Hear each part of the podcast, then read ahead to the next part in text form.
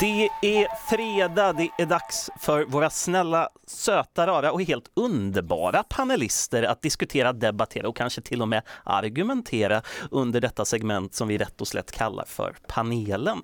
Men först så måste vi ju introducera våra panelister.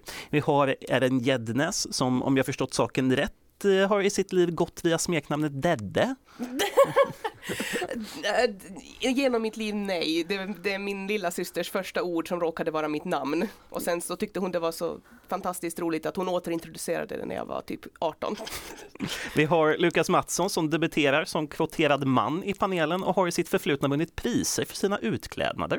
Se där, det har du hittat också. Det var ett par år sedan. Det hade jag nästan glömt. Och sist ut har vi Fanny Tallén som är kanske en av många smaskare som kan förstå fäblessen för sparkcykel. Så är det, jag älskar sparkcyklar. Hur eh, står det till? Bra, skulle jag säga. Bra. Eller hur? Det är fredag. Fräscht! Jag försöker hålla mig från att hosta konstant. Jag tycker att vi inleder med landskapsregeringens konstnämnd. De har tillsatt en arbetsgrupp som ska jobba med den konstnärliga utsmyckningen inne i det nya polishuset i Mariehamn. Projektet i sig får kosta 75 000. Denna summa är vikt åt konst i landskapsregeringens budget. Det innefattar arvode, material, hela rubbet. Möjligheten finns att det kan bli flera konstverk eller utsmyckningar i det publika utrymmet som är avsett för detta. Vad för konst vill man ska finnas i exempelvis en reception inne på ett polishus? Jag tycker att det här är en... Jag har ett antal förslag och jag tycker att de borde ta alla mina förslag. Punkt. Så här ja. Eh, För det första så tycker jag att de absolut borde ha flera porträtt av polishundarna. Gärna med en liten polismysse på. Alla älskar gulliga djur och det är faktiskt relaterat till polisjobbet. Men vad har de för raser? Tänker jag? Fast du, ja men alltså schäfer, typ. Du vet, så här lite den sortens polishundar. Jag menar, de måste ju ha någon rar liten lurvig kollega som de kan fota. Eller, eller måla av sådär. Polishundar brukar ju annars inte vara kända för att vara gulliga utan det är mer Men man så- kan ju göra dem gulliga i Då konstverket. vågar du, alla hundar är gulliga. Okej, Konstnärlig frihet, Lukas. ja, Och sen tycker jag också att de absolut borde hänga upp lite, lite allmän uniformskonst, det vill säga Tom och Finland. Mm. Jag, tycker, jag har två alternativ. Antingen en överdimensionerad staty av Lev Tolstoj eller av Nikolaj Bosk. Varför detta? antingen eller. På något vis så tycker jag att när jag hör, när jag är i mina kretsar, när du pratar om polisen, så av någon anledning så kommer Nikolaj Bosk upp konstant som samtalsämne. Och eh, Mattsson, vad tycker du? Ja, men jag, jag känner kanske inte riktigt att jag håller med. Ni är lite mer så här experimentella. Jag vet inte, jag brukar inte vara den konservativa traditionalisten så där, men jag tänker kanske att i det här fallet så konsten måste ju ändå anpassas eh, i sin, sin eh, omgivning så att Men säga. antika mugshots då?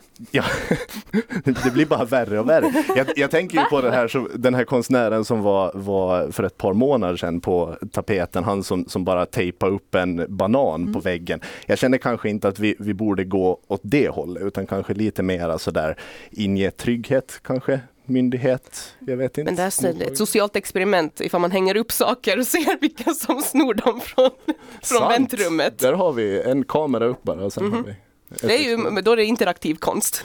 Verkligen. Men trygghet ville du, det skulle man känna när man går in där. Det är verkligen poängen med reception. Du menar lite mer att vi borde köra så här på, på USA-stil, att det ska vara auktoritärt, det ska vara poliser som eh, rider på, på vita hästar med explosioner i bakgrunden. Jag tänker kanske dömande i alla fall. Dömande, Ja. okej, just det. Nej, jag, jag, jag känner det. skandinavisk version av den amerikanska Precis, bara, bara, auktoritarismen. precis.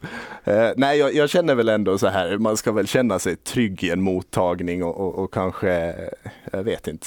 Är Men jag man känner sig väl bara? alltid lite kriminell när man går in hos polisen. Så även, även när man ska hämta ett pass menar jag. Man ser alltid shady ut när man är på väg in där, oavsett alla tittar lite runt omkring innan man går in. Precis, man rycker alltid lite i, i säkerhetsbältet sådär när man möter en polis, så är det väl. Så att, Ja. kanske ni, ni är på rätt spår helt enkelt, jag ger mig. Är det välspenderade pengar då? Konst är alltid väl spenderade pengar. Konst är alltid väl spenderade pengar, men helt ärligt så behöver inte konst heller kosta jättemycket. Nej, en banan. Ifall man är kreativ och Precis. tänker hållbart och miljövänligt så behöver man inte spendera multum på det. Så det beror lite på vad de satsar på. Jag känner också lite att det är inte pengarna som gör konsten utan det är vad man gör med pengarna.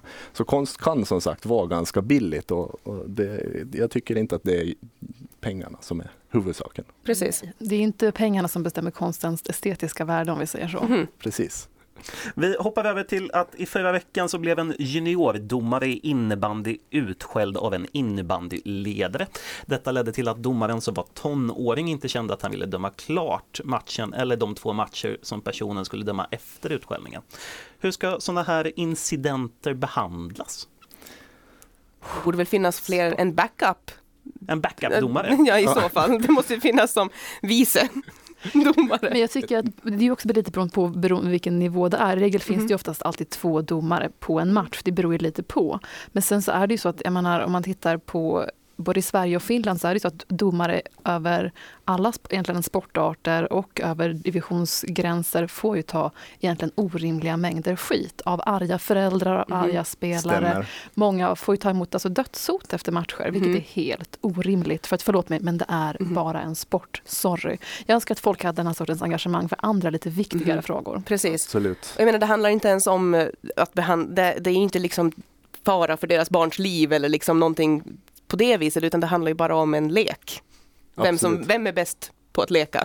Jag som har varit mycket involverad i sport och sådär, så jag reagerar ganska kraftigt på den här nyheten, för jag tycker det är så otroligt. Det är ju väldigt svårt att engagera ideella krafter och särskilt i absolut. junioråldern. Ja. Så det är otroligt tråkigt att höra en sån här grej då som, som antagligen kommer, jag vet inte hur han har reagerat nu Mhm. efteråt, men, men eh, knappast svårare än tidigare åtminstone att stanna kvar inom, inom sporten och idrotten. Mhm. Och min åsikt är den alltid att en vuxen människa ska aldrig höja sin röst på det viset åt en person, en minderårig.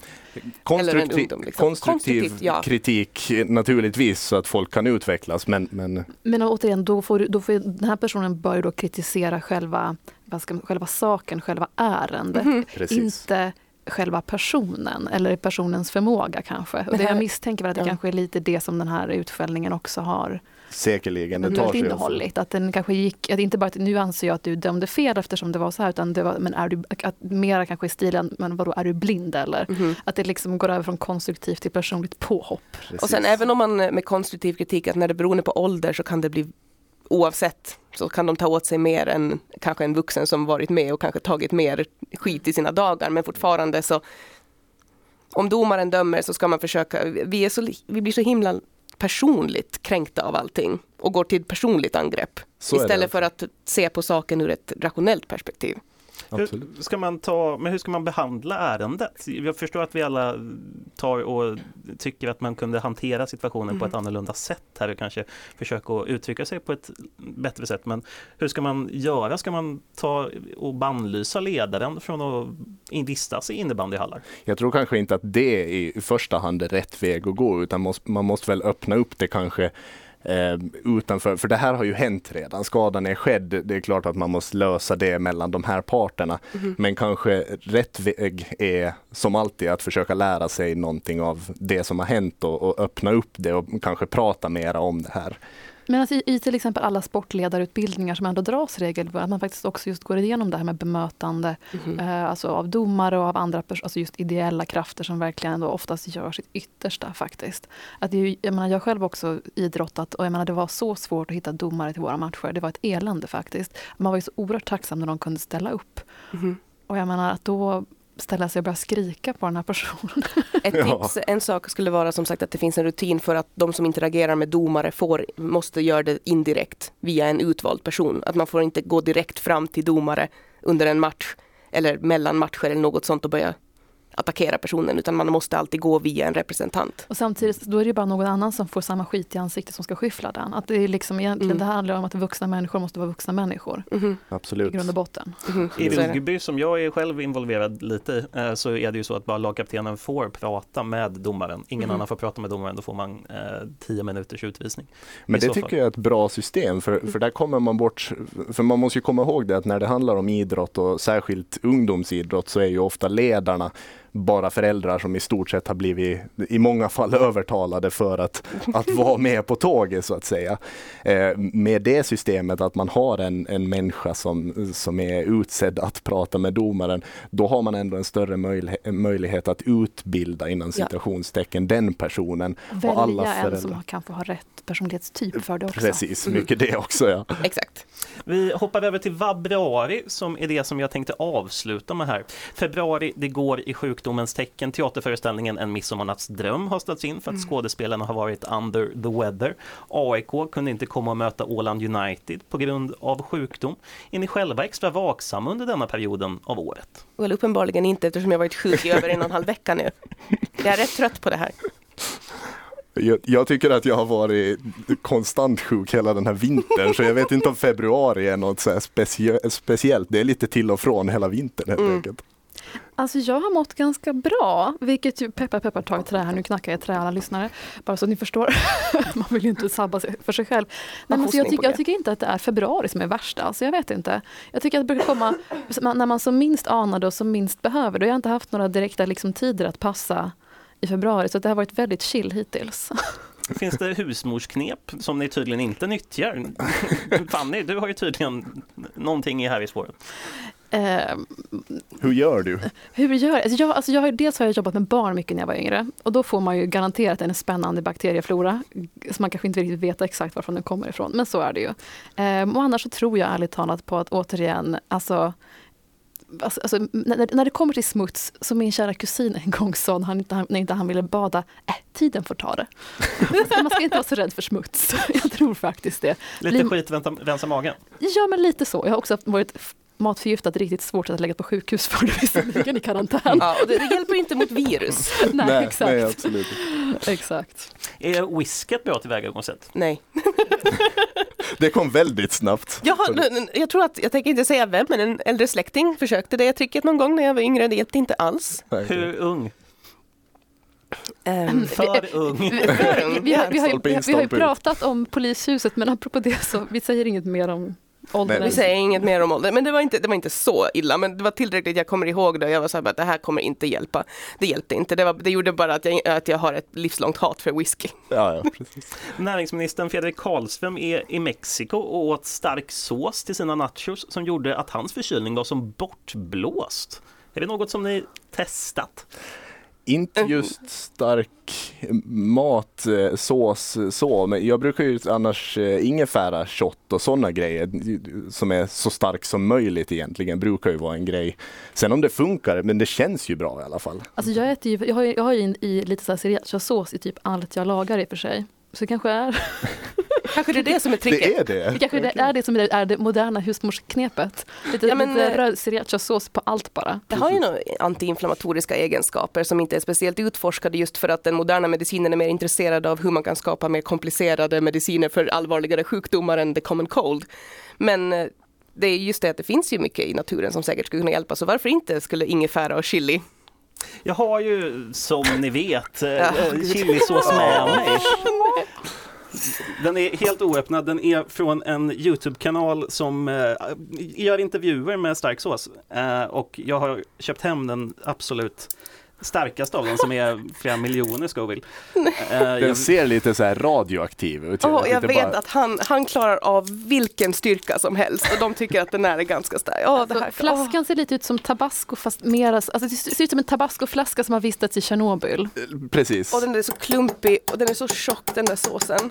Den vill inte ens ut ur flaskan. Åh nej, the Vad last dab. Försöker han alltså slå ut lite sås här på en sked. Åh, Och nej. ser Det här är inte ut- sås, det är en... Det ser ut det som, är någon paste. det ser ut som en så här pesto, Det där är till, chilipasta. pesto till konsistensen alltså. Den är orange, ser lömskt harmlös ut på skeden. Jag tycker den ser Ehm, Ser nästan ut som en paté. Är- det här någonting som ni vill testa? Jag är nyfiken på det men Ja, jag är också livrädd. Ja, alltså min mascara är nästan vattenfast tror jag, så att om man börjar gråta kanske... Det här är ett for science nu. Jag Precis. tänker inte ta så där mycket sås dock. Den här är alldeles för mycket. Man måste ju testa lite. Jag kan ta. Vi kan, det ska skala av lite från den där kanske. Så att, Vi tar och delar Ja, upp det den på på. tre. Sharing is caring. Yes, Det där thank blev you. min. Men helt ärligt, jag menar, jag, jag har ingenstans att vara efter det här. Jag har tagit eh, helt ledigt från allt från livet den här veckan så jag ska bara hem och sova så jag kan lika gärna testa det här. Men jag hör av mig ifall min förkylning har försvunnit magiskt. Det är helg som sagt, vi har ingenting Ja, precis. att göra. Men kära lyssnare, om vi inte kommer till jobbet på måndag på till våra respektive arbetsplatser, då vet ni var ni hittar oss. Eh, Uh, Tre, två, ett. Wow. oh, Oh, oh. nu vaknar man. Fast den här var ju god. Ja. Den var faktiskt, Jag känner alltså, smaken men, det finns en smak ändå. men styrkan, skulle oh god! Oh no! Det Ja. sprider sig. Oh Det är god! liksom lite som ett sånt här radioaktivt så här, um, kärn, så här, ni vet så här, Ah. kärn, så här bomb som liksom exploderar i munnen och först så är det liksom, kommer smyger, sen så bara lägger det sig som en matta. Och andas inte ut. Oh. Oj, Det- det- så illa var det inte riktigt tycker jag. Det är lite så här mentalt svampmoln känner jag. Ja men precis, det var det jag menade, tack. Ja, precis. Men det är lite Nu börjar jag svampmoln hicka. Man börjar hicka Oh, om det är starkt. Okej, vi, Vi vi, får ser nu alltså här hur det liksom sker en slags exorcism och hur förkylningen bara liksom lämnar hennes kropp genom hicka. Vi har 20 sekunder kvar. Jag tackar så hemskt mycket för att ni kom och deltog här i Ja, panelen tack för att vi denna vecka. Gud, och Fanny tack för. Ja, Fanny Thalén, Lukas Mattsson, Ah. Hej. Gednes.